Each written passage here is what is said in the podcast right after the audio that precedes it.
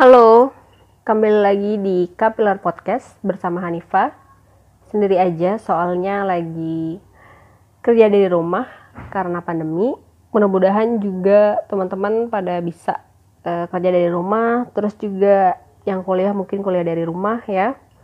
Walaupun mungkin minggu pertama, minggu kedua masih oh oke okay, nggak apa-apa gitu, bisa um, gue biasa aja kok malah enak gak perlu kantor gitu. Terus ntar minggu ketiga minggu keempat udah mulai waduh ternyata pergi kantor itu adalah sebuah hal yang bisa juga kita kangenin gitu.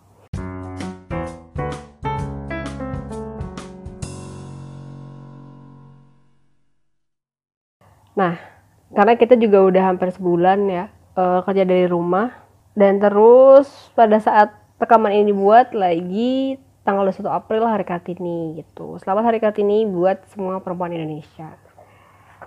Buat ibu-ibu yang lagi bersabar nungguin anaknya sekolah dari rumah. Apalagi kayak kakak gue itu ada yang anaknya tiga orang anak usia SD gitu ya yang harus dijagain supaya mereka kerjain PR. Udah gitu PR-nya online semua. Ya buat ibu-ibu, teman-teman semua yang lagi berjuang jagain anaknya supaya nggak ngerengek main di luar semangat. Nah barusan uh, gue habis baca berita. Terus ada salah satu hal yang bikin gue agak-agak aduh ini orang-orang pada kenapa sih dunia ini? Jadi gue tadi nonton uh, channel YouTube-nya The Daily Show with Trevor Noah. Kalau kalian tahu Trevor Noah tuh komedian gitu. Jadi di Amerika itu ada orang-orang yang mereka itu protes mereka demo beneran keluar rumah terus berkumpul terus demo gitu di depan kantor gubernur di daerah Wisconsin, di Texas, di beberapa daerah menuntut supaya lockdown dicabut, lockdown ditiadakan gitu. Karena mereka jadi nggak bisa ke mana-mana, misalnya orang udah rambutnya panjang nggak bisa potong rambut dan segala macem. Walaupun itu cuman sejumlah kecil, sejumlah kecil banget, tapi itu jadi berita karena kayak ya ampun dia orang ngapain sih? Orang lagi disuruh di rumah aja. Ini malah keluar malah bikin kerumunan. Sama halnya kayak mungkin sebagian dari kita yang dengar berita pas minggu-minggu awal uh, kebijakan kerja dari rumah ada berita soal jalanan ke puncak macet. Ya kan? Orang-orang sekolah liburin kantor kerja dari rumah mereka malah jalan-jalan ke puncak. Itu aja gue udah kayak ya ampun kok gitu sih orang-orang nanggepinnya gitu. Terus ternyata sekarang ada nih yang udah jelas-jelas uh, jumlah kasus terus bertambah malah pada demo supaya minta lockdown dihapuskan atau dicabut. Tapi anyway di antara semua yang aneh-aneh itu mungkin kadang kita ngeliat berita pemerintah begini pemerintah begitu. Terus orang bilang ini orang bilang itu. Masih ada orang-orang baik yang peduli gitu. Kita yang uh, di NGO ngerasain banget sih kalau ada uh, banyak gerakan yang aktif gitu ya buat kita yang kerja di ranah filantropi atau kemanusiaan. Di saat semua bisnis lain itu lagi pada melambat menurun NGO sibuk ya kan? Saat bisnis orang jualan segala macem lagi pada berkurang apalagi yang kuliner gitu ya. NGO biasanya jadi yang paling sibuk apalagi NGO yang fokusnya ke penanggulangan bencana itu pasti udah udah pasti dia bakal jauh lebih sibuk dari biasanya. Um, dan ada sekarang kan banyak ini ya bahasan tentang uh, antara kemanusiaan versus ekonomi gitu. Kayak kita di kebanyakan juga gitu ya kayak walaupun sekarang nih gue tinggal di Depok kayak Depok lagi menerapkan PSBB ngikutin Jakarta pembatasan sosial berskala besar yang bahkan ojek online aja gue berapa hari yang lalu ngecek uh, aplikasi ojek online itu udah nggak bisa kita mesen ojek motor gitu. Itu udah ditiadakan gitu opsi untuk mesen ojek online motor di aplikasi yang gue pakai lagi nggak ada. Jadi emang bukannya kita milih buat naik ojol atau naik ojol, atau nggak naik ojol tapi sekarang bahkan udah nggak bisa gitu. Kalau misalnya mau naik uh, pakai aplikasi ya harus cuma bisa buat ngantar barang atau harus pakai naik mobil gitu. Dan pada saat itu kebijakannya diberlakukan gue jadi ngerasa lebih wah ternyata ini benar-benar serius ya gitu. Walaupun kita semua pasti kalau kita rajin lihat berita kita tahu bahwa ada kematian segini gitu orang yang tambah sakit bertambah kasusnya bertambah gitu terus soal bahasan mengenai antara dampak ekonomi sama kemanusiaan si Trevor Noah si host The Daily Show tadi dia bilang gini padahal kalau orang-orang mau mikir the more you gather in groups, the, the longer the lockdown will have to go on.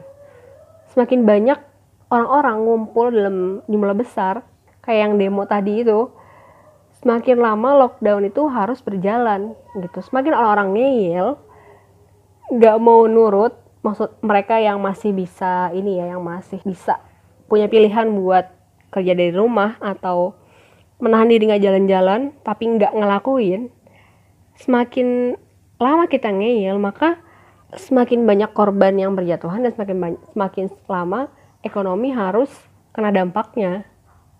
Jadi sebenarnya kayak kalau misalnya kita bilang ekonomi versus kemanusiaan seharusnya nggak ada istilah versus kemanusiaan gitu karena iya. Nanti siapa yang akan ngerasain dampaknya duluan gitu? Maksudnya ekonomi berjalan tapi orang-orang pada sakit orang-orang pada meninggal. Terus itu uang yang beredar buat siapa? Ya nggak sih? Kayak kadang-kadang lucu gitu loh ngelihat pakar-pakar atau siapa pun itulah yang nongol di TV yang ngomongin soal masalah ini. Aduh. So anyway uh, gue juga ngerasa kalau hmm, sekarang ini adalah momennya kita mendefinisikan ulang makna kemanusiaan. Maksudnya apa tuh?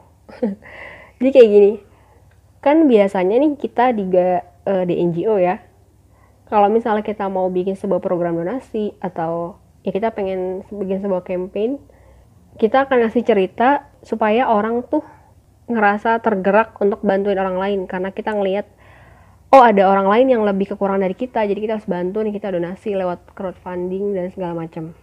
Dan itu adalah sesuatu yang bagus. Kayak itu nggak salah gitu karena kita juga ngelakuin itu.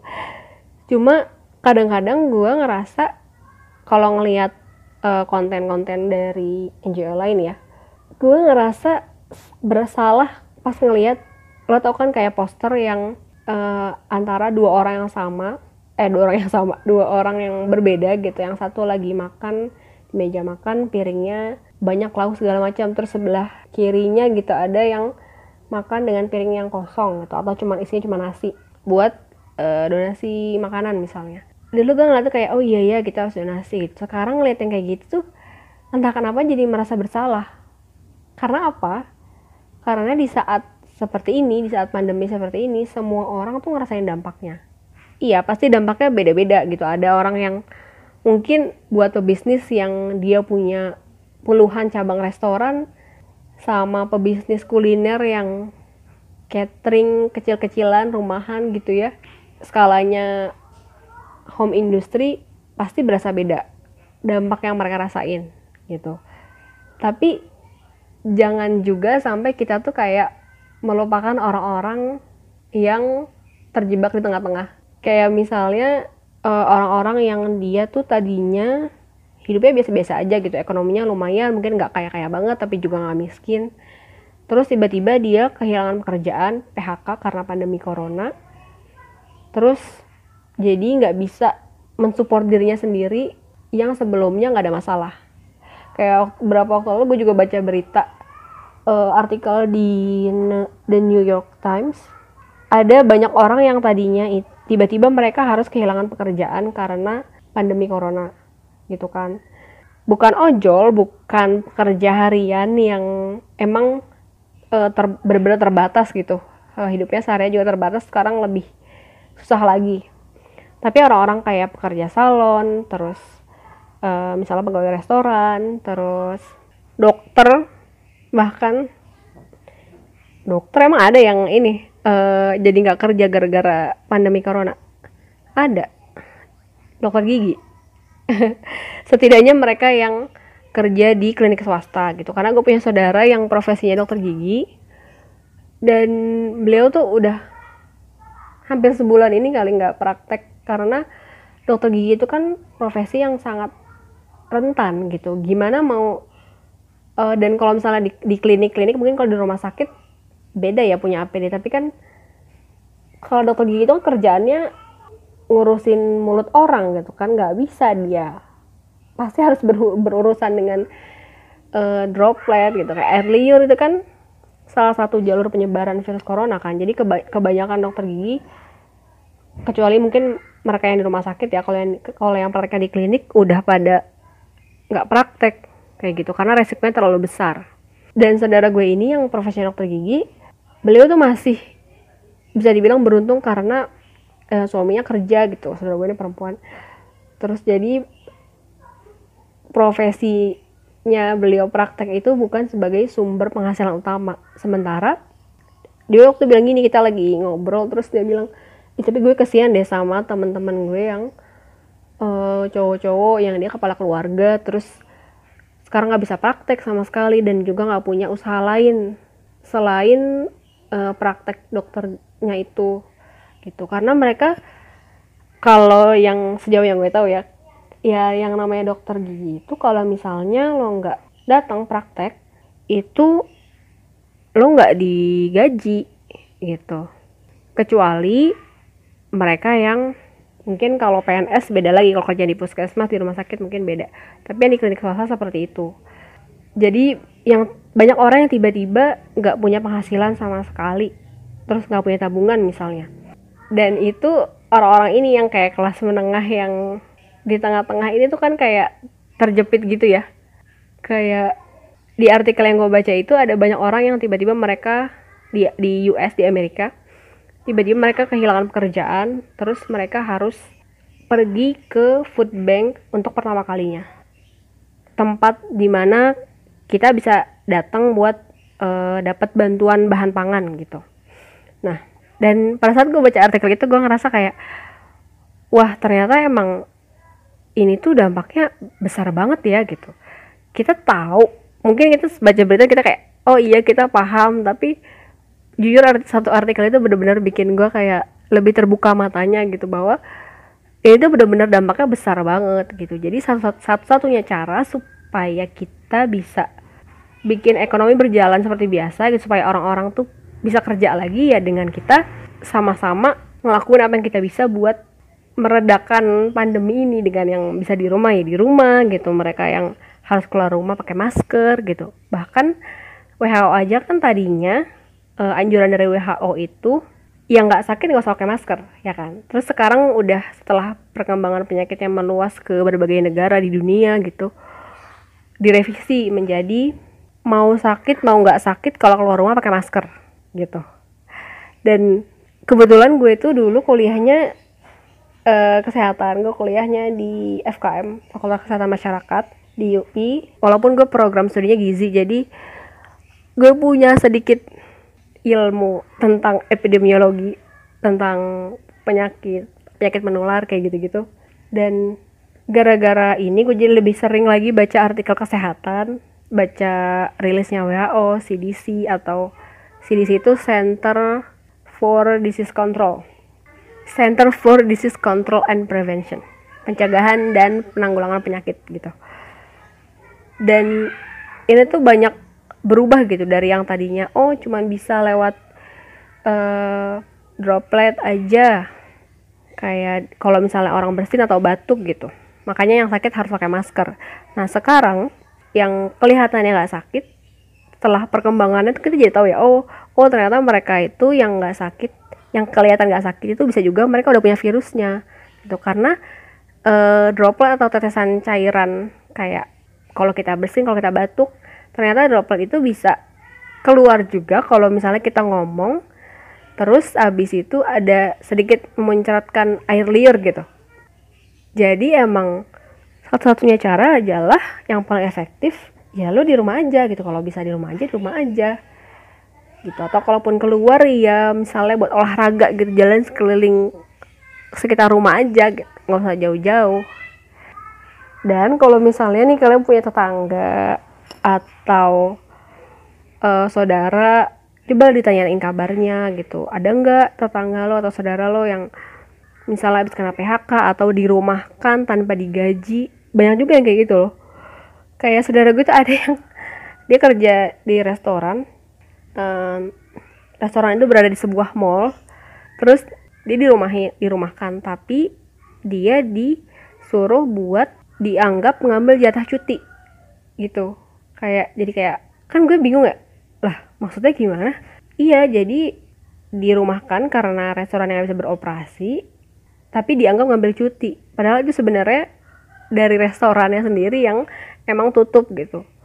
Kan bukan salah dia gitu ya restorannya tutup karena pandemi kan. Dan di situ gue juga jadi mikir oh emang orang tuh kalau misalnya lagi saat krisis itu bisa kelihatan aslinya gitu. Kayak orang yang punya bisnis dia bisa memilih buat berusaha supaya karyawannya bisa tetap digaji walaupun lagi dirumahkan misalnya walaupun gajinya nggak penuh tapi tetap ada gaji gitu atau dia bisa ah ya udah pokoknya gimana caranya biar gue nggak rugi. Dan itu kayak ya Allah orang gitu banget ya. Tapi emang ini bis, bikin kita jadi ngelihat kenyataan secara lebih objektif. Ya nggak sih? Kayak kita ngerasa uh, orang tuh kelihatan aslinya gitu. Saat lagi terjepit lagi krisis sama-sama susah kita memilih kita mau bantuin orang lain supaya kita bisa sama-sama nggak terlalu susah atau sebaliknya orang ngambil kesempatan dalam kesempitan gitu. Dan ya kalau misalnya kita bisa bantuin ya kenapa nggak bantuin? Nggak harus melalui crowdfunding. Kalau misalnya bisa lewat crowdfunding ya oke okay, bagus. Tapi jangan tadi jangan sampai juga kita lupa sama orang-orang terdekat kita gitu. Yang mungkin standar hidupnya juga tiba-tiba harus berubah 180 derajat gara-gara masalah ini. Gitu deh. Terus tapi gue juga mikir ya kalau misalnya nih kita lagi pengen jajan atau belanja. Karena salah satu tantangan kerja di rumah buat gue adalah ketika di rumah lo jadi lebih iseng. Mungkin sekarang udah mulai udah mau bulan puasa sih ya. Tapi pas kemarin-kemarin tuh kan aduh jadi pengen jajan nih gitu kan. Apalagi banyak diskon ya kan? Hari biasa aja pesan makanan online tuh banyak diskon apalagi sekarang. Kayak semua orang tuh berusaha buat kelihatan polanya gitu loh kalau kita lihat pebisnis tuh ya. Misalnya e-commerce terutama yang pakai aplikasi platform online pada ngasih diskon gede-gedean. Kenapa? Supaya orang tetap belanja sehingga setidaknya mereka nggak rugi.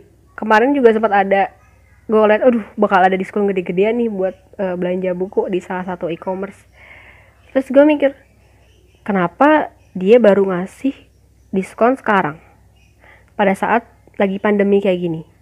Tapi setelah setelah di ini lagi kayak oh bisa jadi justru mereka ngasih diskon gede-gedean karena pandemi ini. Gitu daripada penjualan menurun terus terus mereka rugi lebih baik ya setidaknya balik modal lah. Gitu makanya ngasih diskon gede-gedean godaan tarik-tarikan antara aduh gue pengen gue mau punya duit nih pengen didonasiin atau pengen buat belanja. Itu kan kayak nggak tahu sih buat gue salah satu yang struggle yang kita ngerasa aduh gimana ya? Dan gue dapat insight dari waktu itu ikut kajian online di zoom. Kayak semua orang udah tahu lah ya yang tadinya nggak nggak pernah tahu apa itu zoom. Sekarang jadi tahu ada si ustadznya bilang gini ya itu tadi kita, kalau bisa kita bantuin tang setidaknya bantu tetangga kita dulu aja nggak usah jauh-jauh. Terus yang kedua kalau misalnya kita mau jajan misalnya nih kita lagi aduh pengen banget jajan nih terus um, tapi gimana ya biar bisa sekalian bantuin abang ojolnya? Pertama bisa aja kita ngasih tip yang lebih gede karena gue ini kalau pesan makanan itu jujur aja dulu gue jarang banget ngasih tip. Atau kalaupun ngasih ya paling 2000 gitu. Tapi sekarang gue berusaha untuk kalau pesan makanan online ngasih tipnya itu yang lebih besar. Kayak misalnya 5000 ke atas gitu. Terus juga mesen dari restoran yang jaraknya itu nggak terlalu jauh. Jadi bensin si abangnya tuh nggak bakalan yang kepake banyak terus kan sekarang juga ada ya kayak gerakan uh, bantu driver ojol dan segala macem. Terus pernah nih tangga gue dia uh, kebetulan ada beberapa orang tetangga yang profesinya sebagai ojek online. Terus satu waktu tuh ada istrinya tangga gue itu si ibu tetangga datang ke rumah terus cerita. Kayak suaminya itu waktu itu dapet pesanan nasi padang empat bungkus. Nah sama si orang yang mesennya dibilangin untuk e, ini pak pesanannya buat bapak aja. Udah tuh kan? Cuma masalahnya itu timingnya tuh nggak tepat gitu loh. Itu udah agak malam dan e, kebetulan si keluarga bapak ini udah makan semua. Akhirnya dikasihin ke diambil satu terus tiganya dikasihin ke tangga yang lain. Nah tapi masalahnya adalah nasi padangnya itu nasi padangnya itu nggak enak biasanya kan kita kayak ah nasi padang rata-rata rasanya enak lah ya gitu. Tapi ternyata nasi padang satu itu tuh rasanya nggak enak. Ayamnya keras nasinya keras sambelnya juga nggak kayak sambal padang. Terus gue mikir lagi mungkin lain kali kalau kita mau membantu gitu ya dengan pesan makanan online kita bisa milih buat mesen dari restoran yang emang favorit kita yang kita udah tahu kalau itu emang rasanya enak gitu. Bukan cuma nyari yang misalnya uh, lagi diskon atau yang paling murah gitu. Karena ya kesian lah kalau misalnya uh, orang itu kita kasih makanan tapi ternyata makanannya kayak begitu. Gitu. Itu salah satu contoh kecil aja yang bisa mungkin sama-sama kita lakuin. Terus juga kalau menurut gue sih kalau masalah misalnya belanja online dan segala macem mau ngambil diskon um, daripada lo stres gara-gara aduh pengen banget belanja tapi nggak tapi nggak enak gitu. Ya belanja aja tapi jangan berlebihan gitu. Kayak kayak gue tuh misalnya ya gue tuh suka banget baca buku. Dan berapa waktu ini ada uh, diskon gede-gedean ya di salah satu toko buku online. Terus gue tadinya mau beli dua buku terus akhirnya gue kayak mikir mikir mikir mikir. Akhirnya gue mikir akhirnya gue musuhin buat ya udah deh nggak usah beli dua beli satu aja gitu. Dan ini cukup satu aja untuk bulan ini gue gak akan belanja buku lagi gitu. Mau sebanyak apa pun diskonnya. Karena apa? Karena uang yang ada kalaupun nggak buat diri sendiri bisa kita pakai lebihannya untuk bantuin orang lain gitu. Oke segitu aja podcastnya hari ini. Semoga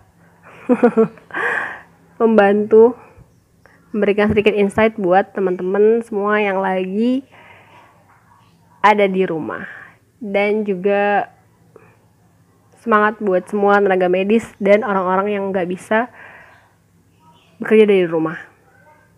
Bye.